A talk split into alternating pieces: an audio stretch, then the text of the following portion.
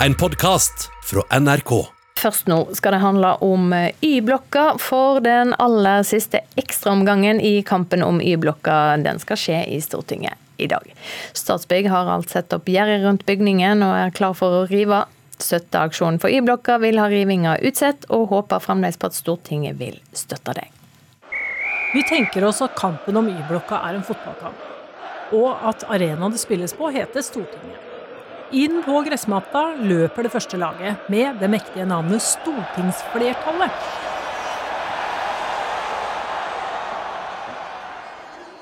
Et utrolig sterkt lag. De vinner alltid de kampene de vil vinne. De vil rive, de kan rive, og de har allerede startet riveprosessen. Statsbygg tømmer Y-blokka for invitar, så å si i dette øyeblikk. Og kaptein på laget er kommunalminister Nikolai Astrup. En forsinkelse vil jo koste flerfoldige millioner, og eh, det er ingenting som tilsier at eh, det å vente vil endre på utfallet i denne saken. Så kommer det gjestende laget inn på matta, og det heter Støtteaksjonen. Dette er et lag med en mektig supporterklubb. Arkitekter, kunstnere, folk fra Nobelkomiteen, Riksantikvaren, Byantikvaren med flere. De vil stoppe rivingen, de har demonstrert og saksøkt hele vinteren, men mot stortingsflertallet er det nesten umulig å vinne, så de ligger under, og de strever veldig, og i dag er det aller siste ekstraomgang. Ja, I dag skal Stortinget behandle en sak fra SV hvor vi ber om at riving av Y-blokka skal stanses inntil uh, Oslo tingrett har behandlet skjebnen til Y-blokka i august. Petter Eide fra SV er blant supporterne som ikke har gitt opp. Skal Støtteforeningen for Y-blokka og deres mektige supportere vinne i dag, må de få et stort parti på Stortinget til å snu. Og det regnes kanskje for å være enda mindre sannsynlig enn det var at Norge skulle slå Brasil i fotball. Det er dette de må klare, ellers er alt håp ute. Ola Fjellheim i Fortidsminneforeningen sier det sånn. Hvis Stortinget tillater at rivingen fortsetter i dag, så eh, kommer Y-blokka til å være påført uopprettelig skade. Så det er denne muligheten Stortinget har til å, eh, til å sikre bevaring av Y. Alle snakker nå om at vi skal ta vare på bygg, alle snakker om at vi skal gjenbruke. Så det er jo en, en siste krampetrekning fra en ideologi som er på vei ut. Ingen vanskeligheter med å se hvorfor mange ønsker å bevare Y-blokken, men denne beslutningen ble tatt i 2014. Eh, det har vært behandlet i Stortinget. Eh, Oslo bystyre sluttet seg til i 2016. Eh, nå er tiden kommet for å realisere det nye regjeringskvartalet. SVs Petter Eide appellerer til følelsene hos stortingsrepresentantene før den siste ekstraomgangen om Y-blokka går av stabelen. Og jeg forventer at de, at de stortingsrepresentanter som som tenker som meg, at dette er en, verdifullt, en verdifull bygning og et verdifullt monument. At de nå i dag stemmer etter sitt hjerte. Reporter her Elisabeth Grøndal. Kulturkommentator her i NRK, eh, Agnes Moxnes. Eh, kan hjertet vinne i Stortinget i dag? Jeg er litt usikker på om det holder å appellere til hjertene. For når det gjelder eh, altså regjeringen og deres måte å jobbe på her nå, så ser vi jo at de jobber med nokså hard hånd for å få det regjeringskvartalet de ønsker seg. Så SV kommer nok til å gå på et durabelig tap i Stortinget i dag. De eneste støttepartiene de har, er de minste i Stortinget, Miljøpartiet De Grønne og Rødt. Men hva med Venstre, da? Både Trine Skei Grande og ikke minst Ola Elvestuen. Han har jo gått uh, hardt ut tidligere, uh, ikke minst på uh, løftet om å redde Y-blokka. Mm. Ja, det nok, blir nok ikke Venstres beste dag i, i, Stortinget, dette her. For de har jo virkelig jobbet beinhardt i mange år for å endre rivningsvedtaket. Og så er det, tror jeg, ekstra forsmedelig, fordi at i disse dager så kommer det en kulturmiljømelding fra regjeringen. Og den kulturmiljømeldingen Miljømeldingen den konkluderer med at gjenbruk av bygninger er bedre enn å bygge nytt, og at velgernes engasjement i slike saker skal høres.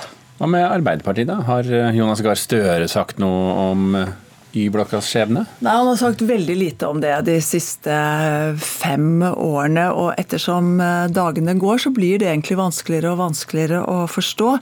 Eh, jeg tror vi må huske at, at de, da rammene for det nye regjeringskvartalet ble lagt i 2014, så var vi veldig tett på terroraksjonen i 2011. Og det var veldig viktig for alle partiene på Stortinget egentlig å stå samlet for å gjenoppbygge det terroristen hadde forsøkt å ødelegge. Nå er det gått ni år. Regjeringen Solberg har endret mange av de planene som ble lagt i 2014. Og for Arbeiderpartiet så må det jo være tungt å, å se at også høyblokka, eh, høyblokkas rolle er blitt eh, solid nedjustert. Og Høyblokka er jo sammen med Y-blokka selve symbolet for sosialdemokra det sosialdemokratiske etterkrigs-Norge. Men når du sier Høyblokkas rolle, hva mener du da? Ja, altså I planene for det nye regjeringskvartalet så skulle Høyblokka være regjeringskvartalets absolutt høyeste bygg, med statsministeren tronende helt øverst. Sånn blir det ikke. Eh, nå får statsministeren kontor i et mer tilbaketrukket bygg i et regjeringskvartal som arkitekt arkitekt Nils Torp kaller en duknakket næringspark. Men Hvorfor har egentlig regjeringen det så travelt? Eh, vi hørte jo Astrup her si at forsinkelser vil koste vanvittig mye, så det, det, gir vel kanskje noe av forklaringen? Ja, det er jo altså, det er store summer som er brukt. Det er godt prestisje i denne saken og de planene som er lagt. Og så trengs det selvfølgelig et nytt regjeringskvartal.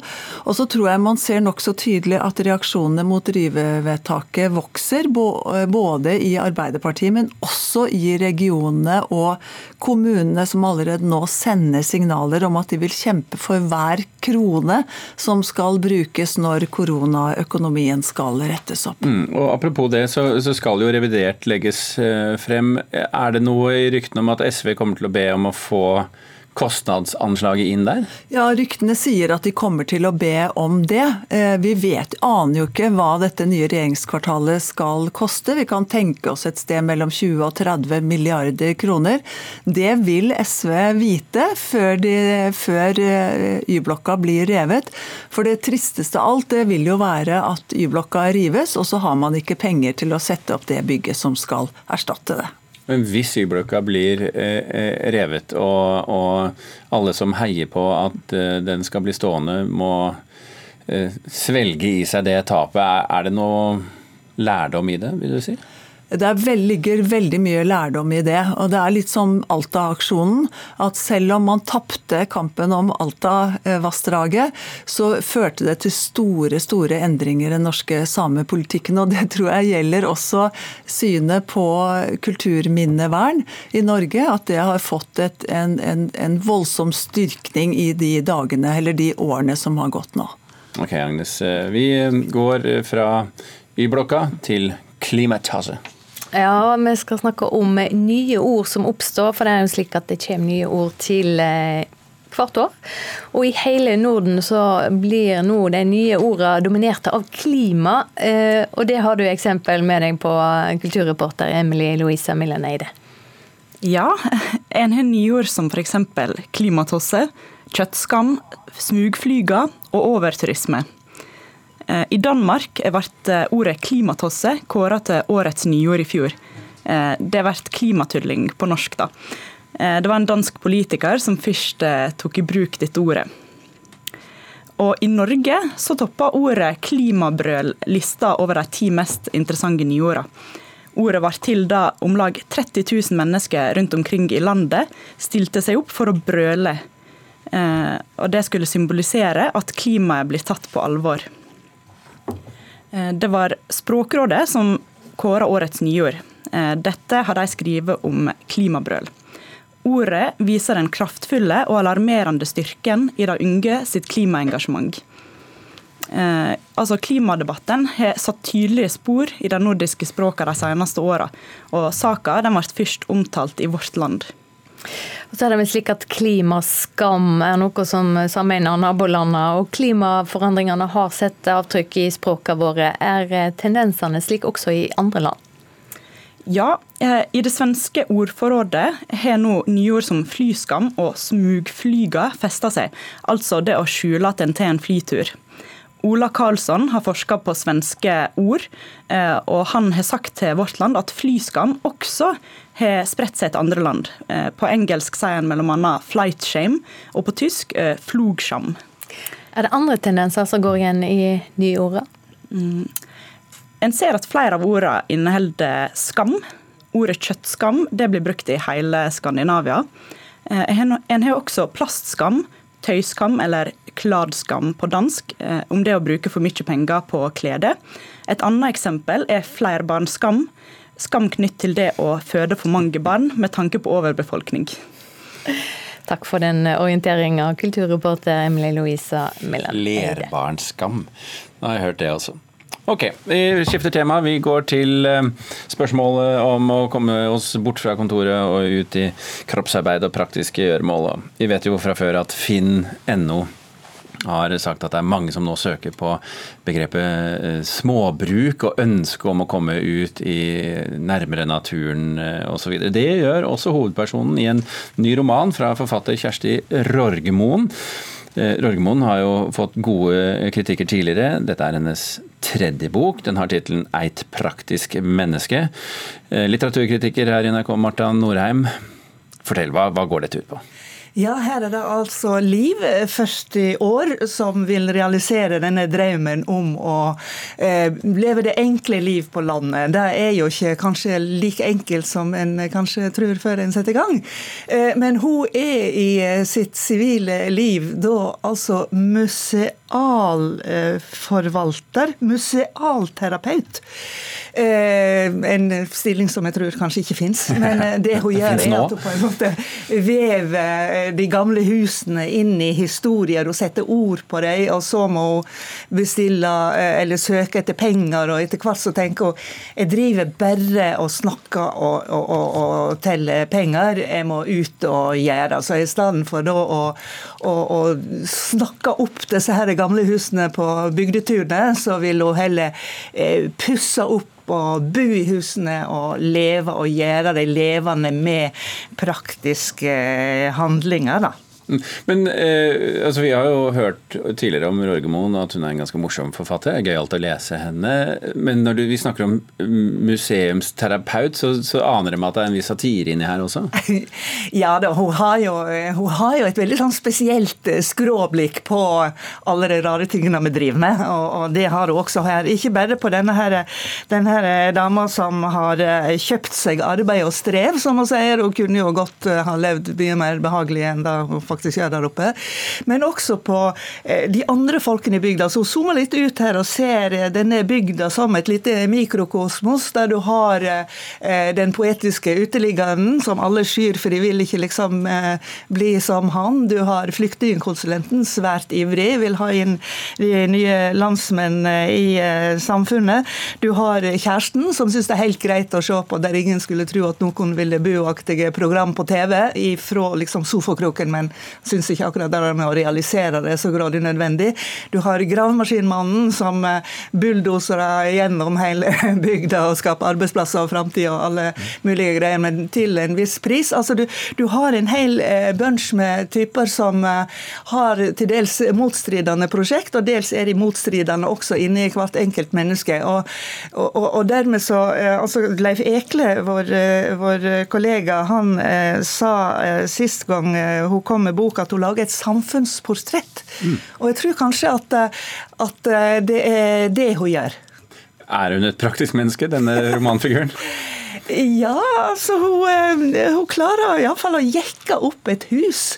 Og sier jo før var det skjevt, men nå er det beint, og det var jeg som gjorde det. Så det er jo, det er jo en glede ved det.